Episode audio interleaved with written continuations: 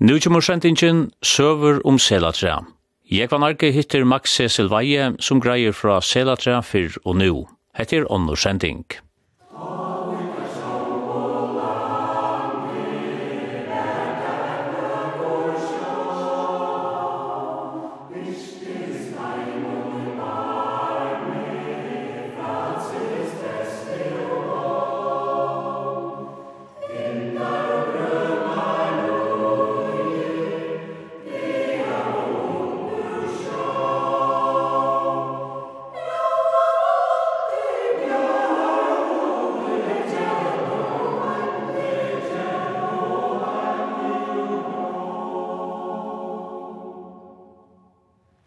parter av søvende tja Selatra, til Selatra tinsje, etla Esterøyer tinsje, til er et av timemalene som to har haft AHA 4 i søvende tja Selatra.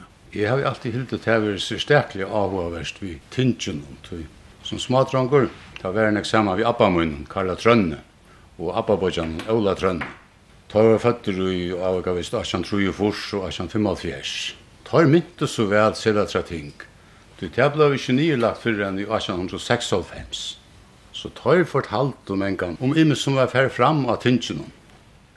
Tingmål som var fire, og, og så var det snakk annet som gikk fire rundt om tingene. Det var som en lydelig avlasøka for gjestrengar. Det kom så øyelig folk til bygdene, Bæði þeir som hadde i ørundra och og var innkallet som vittne og hversta svinnen. Og så var det alle hinne som fyrir fyrir at uh, prata tøyende og hitta viner og kjenningar. Ja, Det var så mengt man kunde gjøre tinget. Skeite blir vi ofta skriva i uh, borstinget. Man ser i omkring gamle skeite at uh, til dagfest av selatra tinget tå og tå. Og skeite som var skriva i testel så ting lesas, så det var også en kjørsta tingstanden her av selatra. Jeg minnes at um, særlig Abba Boys min, han pleide å fortelle om en hending. Det var en kona som var kommet av ting, og hun kravde å få tjona skilna. Hun har ikke nok av mannen, og hun tomte etter smøy, så nå ville hun skiljast. Men sårenskrivaren som taverskar som domare, det gjør det da i 17 årene. I gamle tog var det løkmer som var domare. Sårenskrivaren, han var møtis nere. Han rundt i at få henne og mannen til å semjast. Da vi har spyrir om vi skulle få et forluik. Nei, sier hun, korsdag nøy. Han er ikke nok, og nå skulle det være slutt. Men domaren, han helt på sutt at han måtte bare til å få semju i malen. Så blei hun så trøtt av, av domaren Så til sust sier han, «Oi, ja, for lukka så men». Så søvna minnes det så vel fra, fra Vansbønja. Ja. Og jeg ser her um, søvna som jeg hørte, jeg, jeg vaks opp her, nek saman vi, vi eldre folk, gamle folk, jeg ser det, Og en gammel kona, bo i hjemme til okken, kom av gæren til Abba, vi santa som ung, og det var han til her, til farbrøver, og så enda jeg sin er det her til okken i brekken.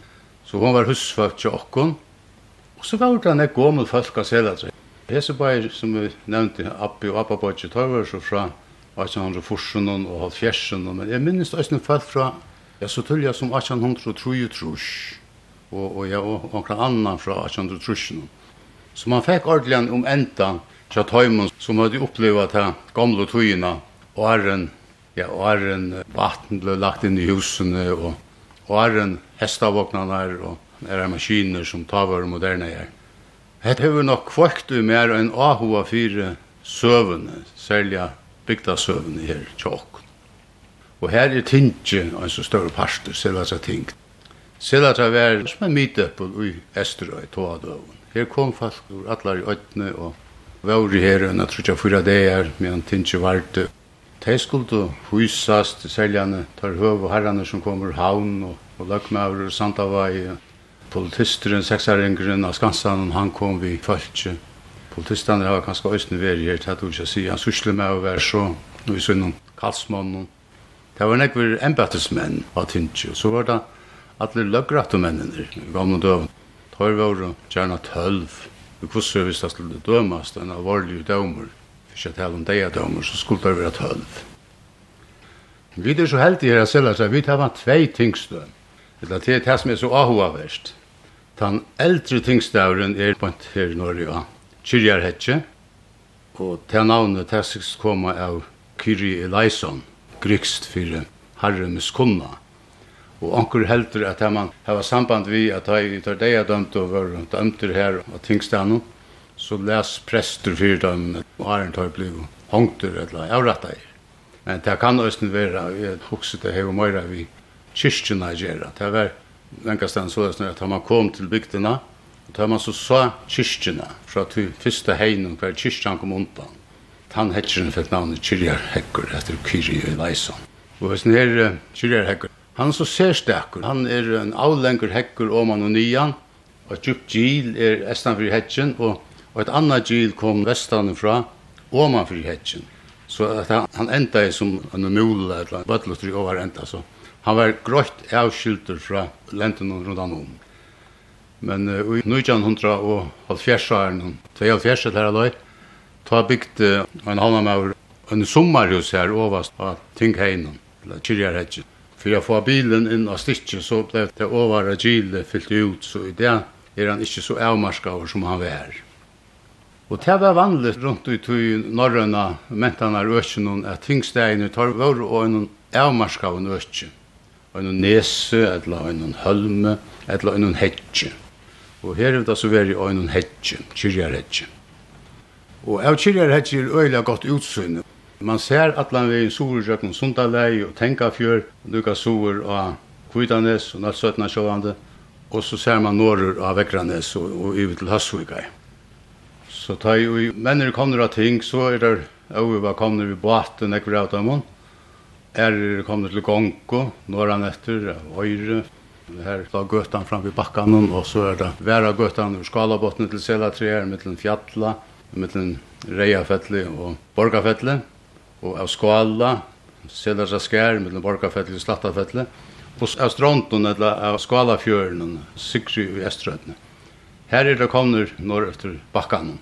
Og her er nyrri av bakkanen sunnan fyrir Tjekvara, er et li som øyter tingmanna li. Det kommer fra tingtøyene, da jeg menn kommer til veien av ting.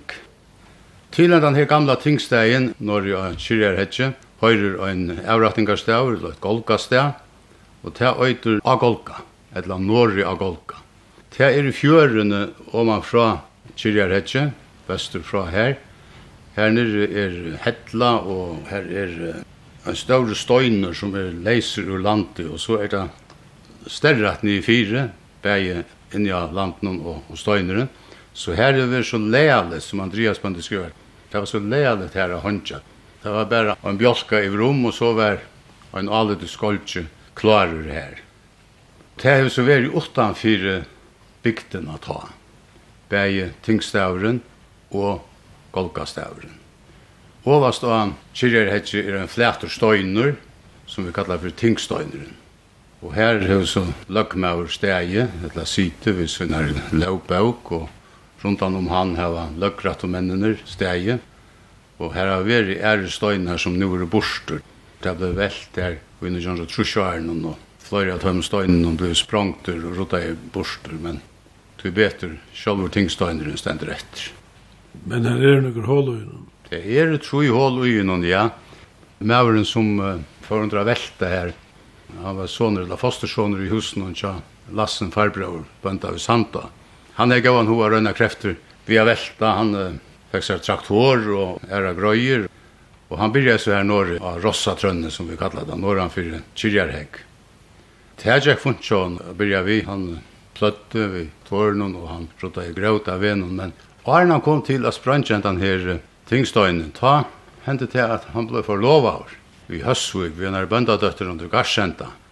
Så han fikk anna å hukse om, så det kom styr i veltingina, at det er kjørs møyra vi te, og tog hava vi tingstøynen her enn. Men så har vi som sagt en annan tingsted, Høymia Bø, og et tilhørende Golgasted, som er oppe vid Golgastøyen, nekka nian fra Fyndarbullingen Høymia Bø, og man fyrdar gamle bøkerne. Og grunden til at uh, vi det var tvei tingstøy, det er rundligt han at i fyndinne då har det haft uh, tinge ute. Men så i uh, 1400, 1500, 1600 åren, då blev vekkre så nek verre. Det ofta kallar fyrir den luttla uistøyen. Det ble kaldare og det var ikke svel av ting ute. Så ta er det farnir inn under teak, bæge vi sysletingen og vi løgtingen i havn. Akkurat nær til hent, det vet man ikke, men uh, det kan ha vært i 1500 åren. Hvor så gammalt er Tinge og Selatræn? Ja, det er ikke å si noe neft om det, men uh, sovefrøyngar skriva, så tje, at uh, sysletingene vera hilden av vera eldre enn løktinge. Og jeg par inn og heima synna til løktinge, og her stender at løktinge vera hildig av vera fra omlai og er 800. Så Selatræn tinker gammalt. Og er hun er 800.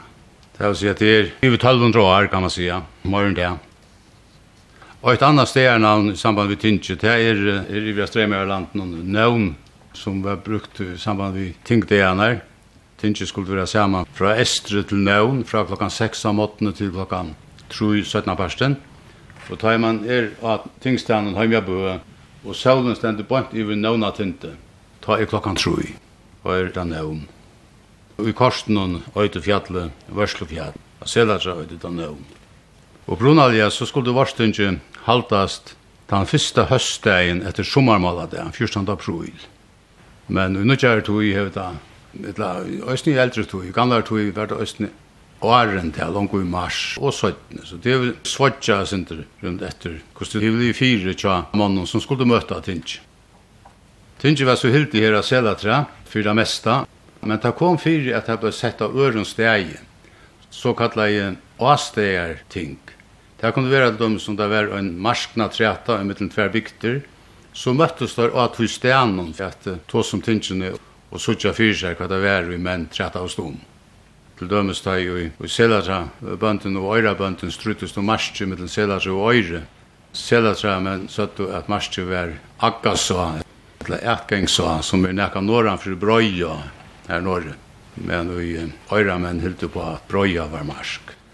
Da det ikke kunne semjas om at det er, så ble det skått inn for Skusletinget, og løgmaur kallet som menn inn til tingfond og hesten her, trette stitsen under middelen Einar, Brøya og Akasa.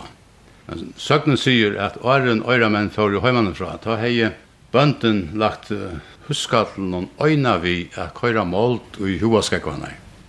Så det er sånn at det nå ble spurtur av tinge hvor i åtte eller stikje, så kunne det svære at det stod og øyra gjør tar så gjør det, og svarer på at det her, sier søknen, og Tinje dømte øyremannen styrke til, dette trette styrke, så nå er, og vi tenker at vi alt man var dumme å si, hever brøya ved marsk.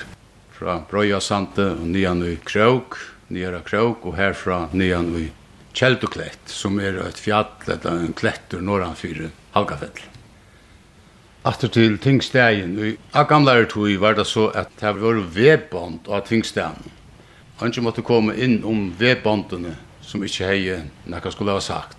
Her var løggmauer og tingmennene, løggratt og mennene, sårenskriveren og syslemauer og fote, hvis foten var av stenen. Tar som høtt og myndeløyga av tinget og prester hvis han var, så du innanfyr vedbåndene de som uh, bare kom av ting, allmoan, de stod så utanfyr. Innanfyr vedbåndene skulle være frier, her måtte ønsken gjøre åneier. Hvis man gjør det til, så var man sikker og kunne få bøt for det.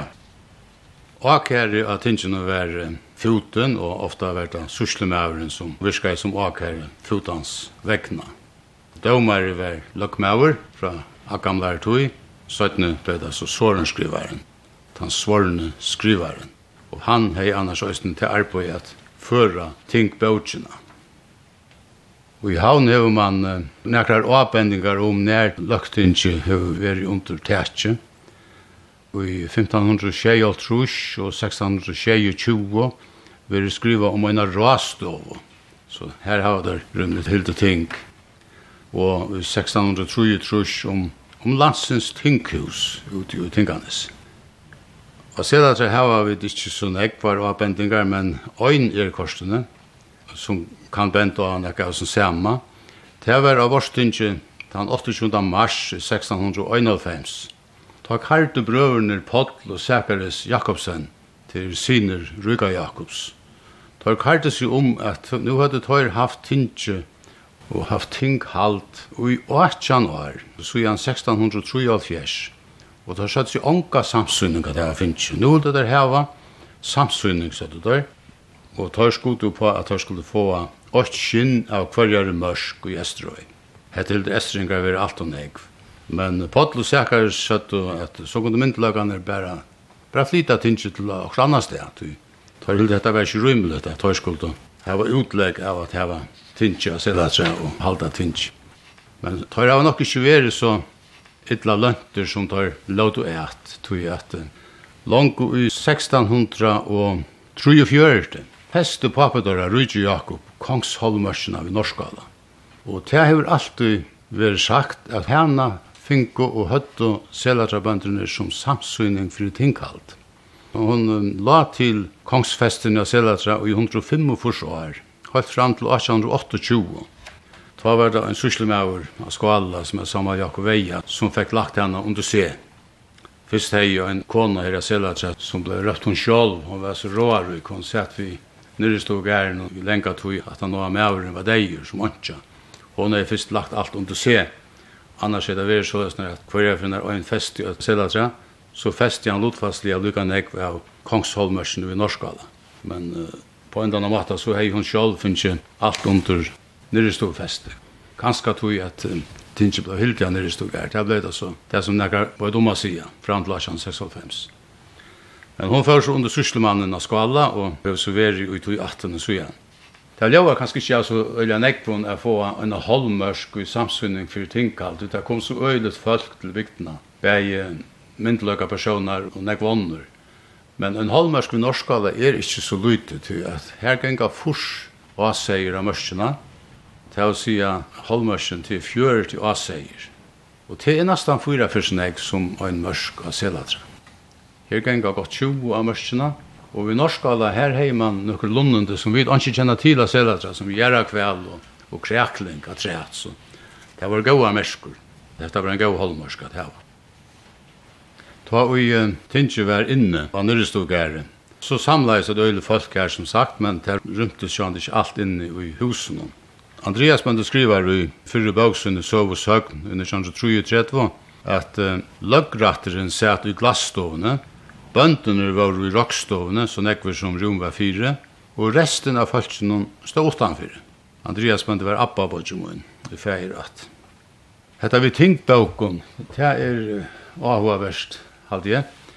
Det var langt vi 1345 avsett av Norrøskantje at uh, tingbøker skulle førast. Hetta var så øysten galdande fyrir fyrir Men den eldsta tingbøysen i fyrjen som er varvvøyt, hon er fra 1615. Men ui henne veri vurs til eina eldre tingbøk. Hon er tyverri ikke til langt. Det spetla vi tjavat her, gamle tingbøkene fyrir jeg sier her, manglande 204 årene. Men de 406 årene som er skrasett i tingbøken, de er fra 1615 til i det. Hva er det du kan lese i den?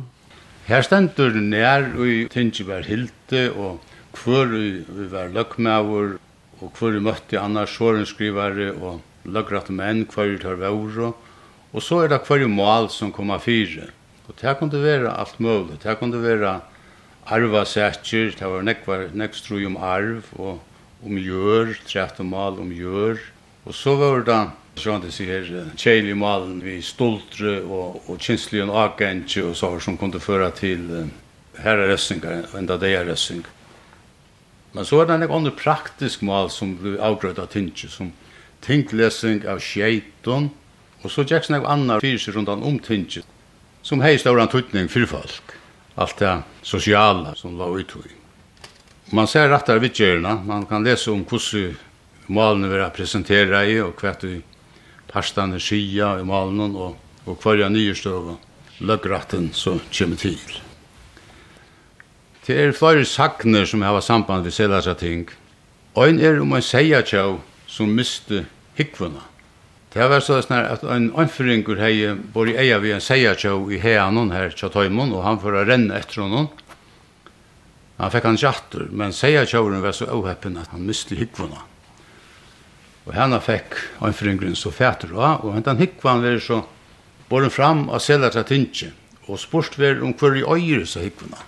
Angen var kvitt og spyrir om det, og, og angen meldte seg, angen kjendest vi henne, det løkker at mennene rukte at henne, angen kjendest vi så hikkvann. Men så, øyne fyrir nu råpar han onkel dronker, som var her av tinsjen, og hatta man var hikkvann tja pappa min, og livet vær. Tar sendt form hans etter pappan og han ble handtidgen, og førte fram av ting og blei dømtur til deia for seiastoltur. Og søgnen sier at han blei hongtur alt for årst oppe vid Golgastøyen til om han fyrir bøylingen heim i bøen. Og han blei så gjerra over her av stedan. Og til er flere tulliga sætjer. Det er flere tulliga sætjer, ja. Ein sera ahuavert søgn er om tvær fekkar og skala. Tar blu røptur lortje og borgaren Lotje hos og veri et eknevne, eller Lotje. Borgaren, jeg vet ikke om det er nekka ordentligt navn, eller om det er òsnir et eknevne. Men det var kjent for at jeg stjala i høvenon, bæg av skala og ærastane, og en av dem blei så satter i hesson av lovliga yrstje, og du handtekner og fyrter for tinsje av selatra. Men nu var lagratten i en av tjeljar støvut, det var ikke en bøy, og tøyre tar var avgjørt at Jesus skulle dømes til deg at vi tar høyt og stål seg, og det var alvorlig. Men uh, her var ungen bøyel, og det var nakka sujan at det hadde haft øyn, og ungen ville være bøyel, og finke ungen at det hadde passe, det var bøyel, det var ikke nakka stuttlet og avhyllte arbeid. Men så dømte om omater, så var det at han av fekk noen som ville håndja hin, skulle slippe av løyven, og få bøyelstarve at rett. Det er så nýggju dømmer, han var sjående, rævlig sylgeligur fyrir fekkanar, hvor skulle nu håndja kvann, og ta hugsa der så om lunch og til sust så lett i borgaren at ta ta nu ikke fer veri ørvus ja så så må jeg heldur håndja pappa. Men da var en gamle skjótra sværa til at så mykje øy du at kjenna til det høyla av skriftene at det var ikke sonuren som offra i feiren, men feiren som offra i sonen. Så jeg må heldur håndja til. Og så, så vær. Lotje hongte sonen borgaran, og han slapp så vid løyven, men han miste øyna mørsk av åken som han åtte fri innan Jack var skala. Det skal være at han feste han gæren som røtter i hodden. Det er lydde kongsfeste av skala. Men han fikk sette bøyelstarve, og det var et av de høyt fav og allmenn og fastlønt og størvene som tar vår i landen, omfram prestastørv og fotar og sånne menn. Bøylen fikk fasta løn, og heromframt fikk han en avvis oppad fyrir tei arbeid som han gjør det. Til som han skulle brenne mest til øyn, så fikk han gjald fyrir tei. Og om han skulle klui på øyn akkurat fyrir brännande brennande tenkgrunn, så fikk han en avvis oppad för hverja för han klupte. Etter av kjentlig høgga en finger av omkron, så var det en samsynning fyrir tei. Og fyrir ikke tale om det han hållsökte eller hongte omkron, så var det en fast oppad han fikk her og eisen fyrir at hekka luigi nira tror golgano og fyrir at grava den deia fekk han gjald. Så det var nek sånn i gjøl, bøylen fekk. Lotje, han kom kanskje ikkje så gale på sjuresen her, rønt futjarlig a se. Men den her søknen om fekk han er lokka og borgaren, Hon var endegivin av fløyre. Lanko prøvsteren Kristian Jorus Anese, som var prøvster 17. av persen av 16. åren, han skriver disse søknene nyer. Da har hun ikke vært så gåmål, kanskje. Han har hatt annen drar av gåmål eller så. Og videre prester nevner han av Fløyestein i sin saka hon. Jens Pauli Heinesen, han har skrivet en søv, en stor søv hadde som bygger av hese her søknene av Selasja Tinch. Ja, hon var lysen oppe i utvarspen, her ble hon så, en søkla at det var 24 i havn, Men det er som skallskaper. Sjølv dømeren i vi fikk han Lokka og Borgaren, er ikke nevnt i nekrar tingbøk, så han har vært i åren 1615. Men jeg halte meg bare kommet etter at han har vært stått åren 1615, Tui Lotje er nevntur i tingbøkene, 17. og Øysten og en annan sjåner hans herre. Tan 24. og kjenta i 1623 blei Niklas Johansen kallt et lokke, dømtur av løktingi i havn, fyrir at han var ståle fra Jekvan Johansen på Sjekv av Strontum. Han er stålig en lang av neita hu, vær tjeiskin, og håsur, og en tallersken, vær atjanskin. Lokke vidtjekk at han hei stålig etta, og stafest bliver i tingbøysni at dette er ikke fyrste fyrir han er stålig. Og sjå han, det kjenner vi fra søknunni at dette var altså ikke fyrste fyrir. Da han og borgaren du dømte, da ble sagt at det var kjent i fyrjast i alla, til Jesus søgn. Men i hessen fyrir, i 1623, ble Lotje dømter at han skal miste sin hod. Han skulle altså kvakstrukast, eller huflunchast. Utan så at han vil den løse med tre marska sjølv, vilket blev han om tildømt at bøte til hans kongelige majestet. Vi øren åren tar djeva lokka enn den her utveien at han kan betala seg på skjorti. Han kan slippe undan likamligere straff. Skriva stendur at lokka ble for hans armot benåtet på tre marska sjølv. Så han dette her hever givet mening for så vidt at heldre få noen penger fra lokka enn apunan, teka jo unga penger i kassan, tja kontje, eller tja til allmenna. Så atter hesa fyrir slapp lokki undan likamligare refsing. Og atjan har skjøttene verur en annar lokke, Niklas Johansen lokke, dømtur fyrir stultur, og hessin her er auiva sonur Jekva Niklasson, som vært han gamle lokken. Og i sækfaldslistanen fyrir 1693 stender at hessin yngre lotje hei ståle fra Paul Jakobsine tre korster forekvød, tolv hyser og en flundre, vurdere til seks skillingar. Og han ble så dømter til at uh, løse sin hod. Han ble dømter til å være hoflangtur, men kunne slippe undan om han betalte trutjar marskar i silvere til kong. Han blev øysene benådet for hans store armodsskuld på fyregulden. Det betyr at han skulle gjalta. Det er mest til at han skulle gjalta, ja. Tar av Givion og tann utveien at man betalte det her, så slapp han undan likangjær røssing. Hvis han er Lotje, han er også nevnt i Gjerrabøkene for 1608, eldre Lotje, Niklas Johansen Lokke. Her vil han nevnt Nils Johansen. Det er så vanligt i gamle sjølen at Niklas og Nils tever skriva kvart om anna. Her stender han i 1608 fyrir øynun tveimerska festi av skala, saman vi Jekvan Høynason, og det er kanska løkmævren, etla øyna av hans hansara, nasto, etterkommaren. Så tar høttu tvermersker av kongs saman, Lotje og Jekvan Høynason. Man kan undra seg iver kvui at disse bæger blive benåaier, Niklas og Jekvan, fekkaner eller slupper undan likamligare ressing. Men helst har det ikke vært sører for åkner, eller for penger, selv om det stender at tør li og arme. Samt søkten så har jeg lagt jo mist åknermørsene for innan jeg var skala. Det hendte til ferien at han avråttet i borgaren. Men han har så østnytt seg her mørsene, altså heltene av tvøymon, kongsmørsene av skala. Og som bøye så er han finnes jo fasta løn, og det har vi givet nekka saman vi ötlund du leisa som han fekk i samband vi ressingarna. Så Lotje han hever rocknir vi vi fyrir fyrir at gjalda der bøter som han, han fekk i sin domen og soner enda sama. Og det var sjående den fyra måneder fyrir det allmenna få pengar i kassan heldur enn at pyna folk. Sjåkken er ikke fyrir fyrir tog i gamla døven. Møvlig hever fyrirrande løkma Jekvan Jekvann lagt et godt år inn fyrir lokka som jo er hans herra kompanjonkur av skala, tar det disse tverre merskene her saman, og helst over Lotje være oppsidare fyrir Jekvann Høynasson som bor i Lampa og heis og øyne nekva æra gjør, bæg i Lampa og æra stand. Og kanskje heva løgmaur og løggratte mennene lette lokka sleppa så lagt, tog at han var jo ansett ut av tøyden.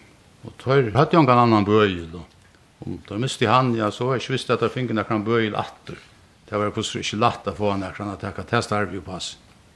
Her omfram så var han jo hardt stressa over fram og undan, da han miste åkner mørkene, for innan jeg på skala, og var nødt til å avrøtte sin egna son, borgeren, for selv var jeg sleppa i løven. Ein som atte nok som jeg var gjør, bæja skala og av og i gamle døven, det var Olavur Larvasson. Vi søknene om Ola Jatnheis vil grøtta synder fra papa hans herre, Olave Larvasinne. Han skulle være bodget vis og margina i Øravøk. Søknen sier at hei var i atta av stronton og at han var bønte vid sjekv. Og søknen grøy vi er fra at ein dagen Olav Larvason var utrøyre kom der fram og en av røyer som la i vannskorspene. Tøylet og eit røyrene og skåret seg spik av henne. Og æren der røy og fra henne høgte Olavur øksuna i bætje av røyrene, så dykt at hon tog sjekva bæk og svæm fra dem. Søttene rekken på land når vi kolben her jeg. Og ta stå øksen tja Olavur Larva sine framvis i bætjen av røyrene, vi og tja Olavur. Vi er sier saknen at ta ut tøyene vær ta sier at jenter kom og ting til at tjåsa seg menn. Og ein jenta vi sjekk var stronton i sin ørenden komin av Sedatra ting. Og hon sier at hon ville hava tann til mann som åtti hessa øksena som stod først i røyrene i Kolbanajek. Og så sier saknen at så løys bært her og at Olav Larvason kom til sjøvar. Her kom han a standa i nekvun mæte og tåg vi suslemanns empaten i Esterøy. Hesen Olav Larvason, han er nevnt i Gjerarbøtjene. Han er nevntur bæg under skala og strentur. Og skala hei han 5 og en halva mørske feste fra 1613 til 31. Og av stronten hei han 9 og en halva mørsk, tvei feste fra 1628 til 24. Han hei såsta tru feste til samans og 15 merskur av kongsjør. Olav Larvason er òsne nevntur i tingbøkjene. 1616 er han nevnt her som sysselmøver, etla som ein øvrigholdsperson i minsta lei, og samme åre som løggrattomøver. Og i 1619 er han nevnt som en framurdonaligur grindamøver. Så utfyrir Kvalvuk hei han skuttla trutjar kvaler. Det var såleis at her er vi grind, og hon fekst ikkje at gjerra landgångt, og tar misti hana, og alle båtane hadde givet opp og var rymter fra grindene. Men Olav Larvasson, han gast ikke så. Han ble via jakstra grunterna, og det etna i stånd er skuttla trutja kveler. Og hetta kom så fyra tinget, han bare øy seg kvelene eller kvæt. Og det ble så dømt at han åtte kvelene. Han er jo vårter sjølver, og ingen annar båter vera stenen, og han skulle øya der som der var, men han skulle betala tudjund, bei til kong og til fatakom. Tror jeg er 17, 622, ble han dømtur, Olav Larvason, for at det var sjelda med kjallet lampa ut. Man skulle bøta for det. Samme var han også nevnt som vittne i en droppsmalle. Og oppa til trojar 17 i 1625, ta ble Mikkjall Lampa dømtur for å ha brukt ljautvår mot Olav Larvasin. Så tar kom fyrir, fyrir etter fyrir. Olav Larvason, han hever òsne finnje rymlega gott rum i bautsjene tja Íslendingen og Jón Olafsson Indiafæra. Han hei veri i kongleir tjeneste og veri med anna vi admiralen da som vær nek vi fyrjun om tatuina og jakstra i sjøranar bægi under norra fyrjun og Islande. Han skulle halda ta ut borster fra kongsens London. Men uh, i 1616 ta kom der ut i Ødnarvever og lau raukost lunche. Det var seks skip.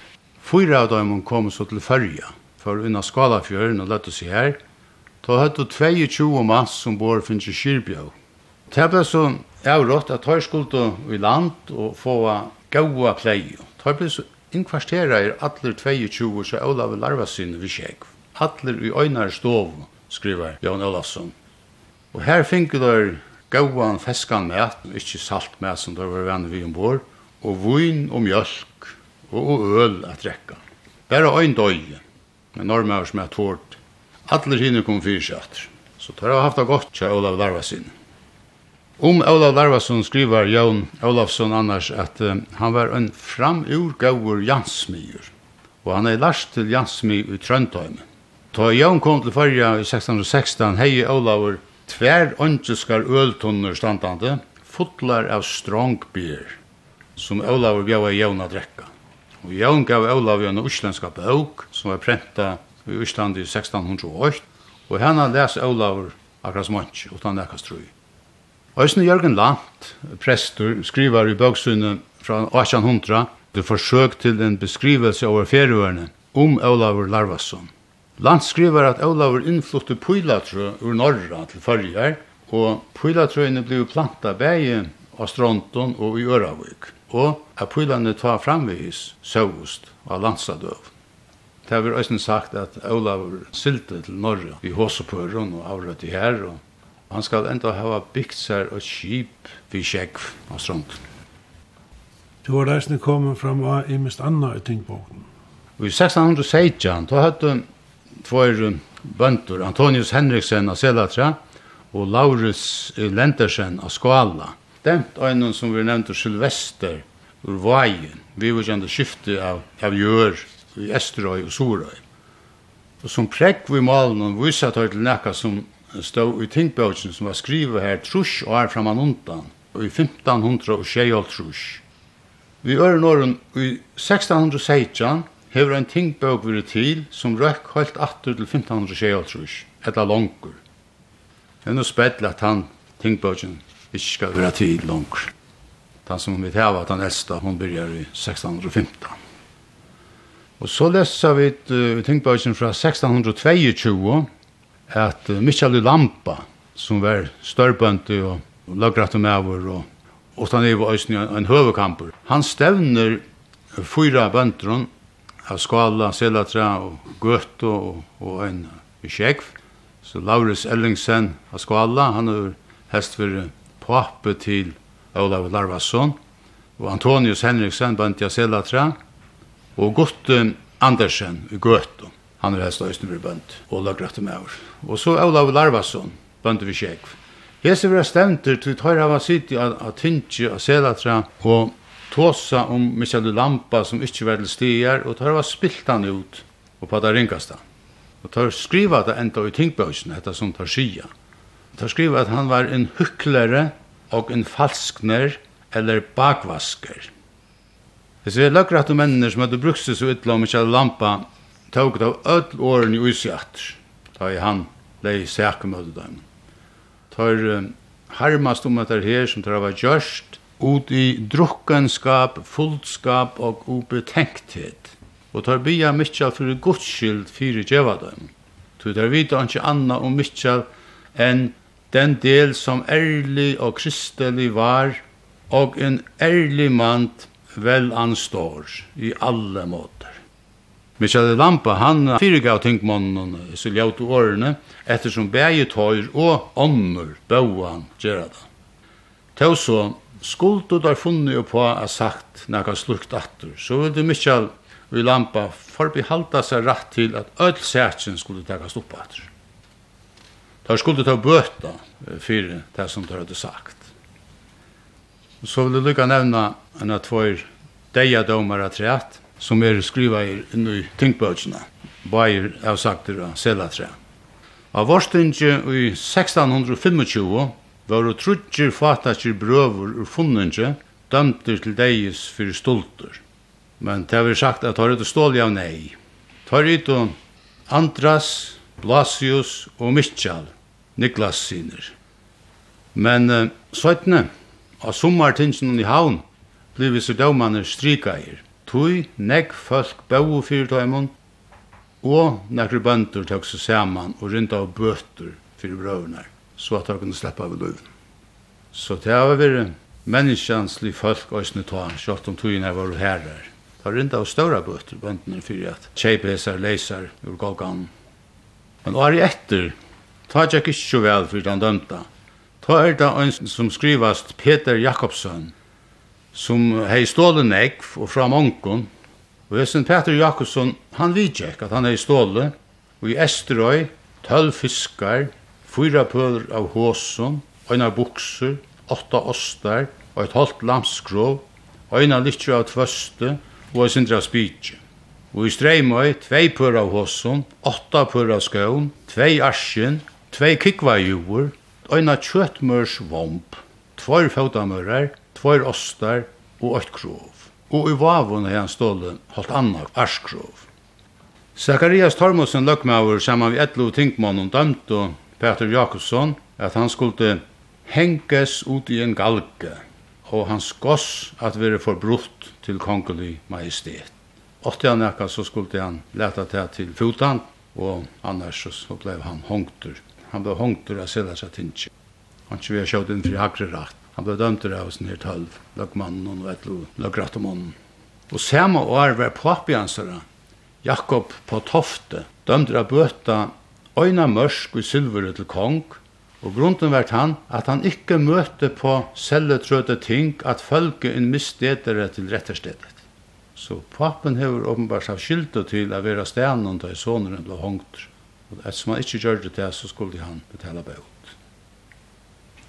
Thomas Napoleon Djurus, han hever av deilig gjørst hessa hendingene vi Peter Jakobsine, og i synare framorskærande og rørande ischting, som kallas Selatra 8. juli 1626.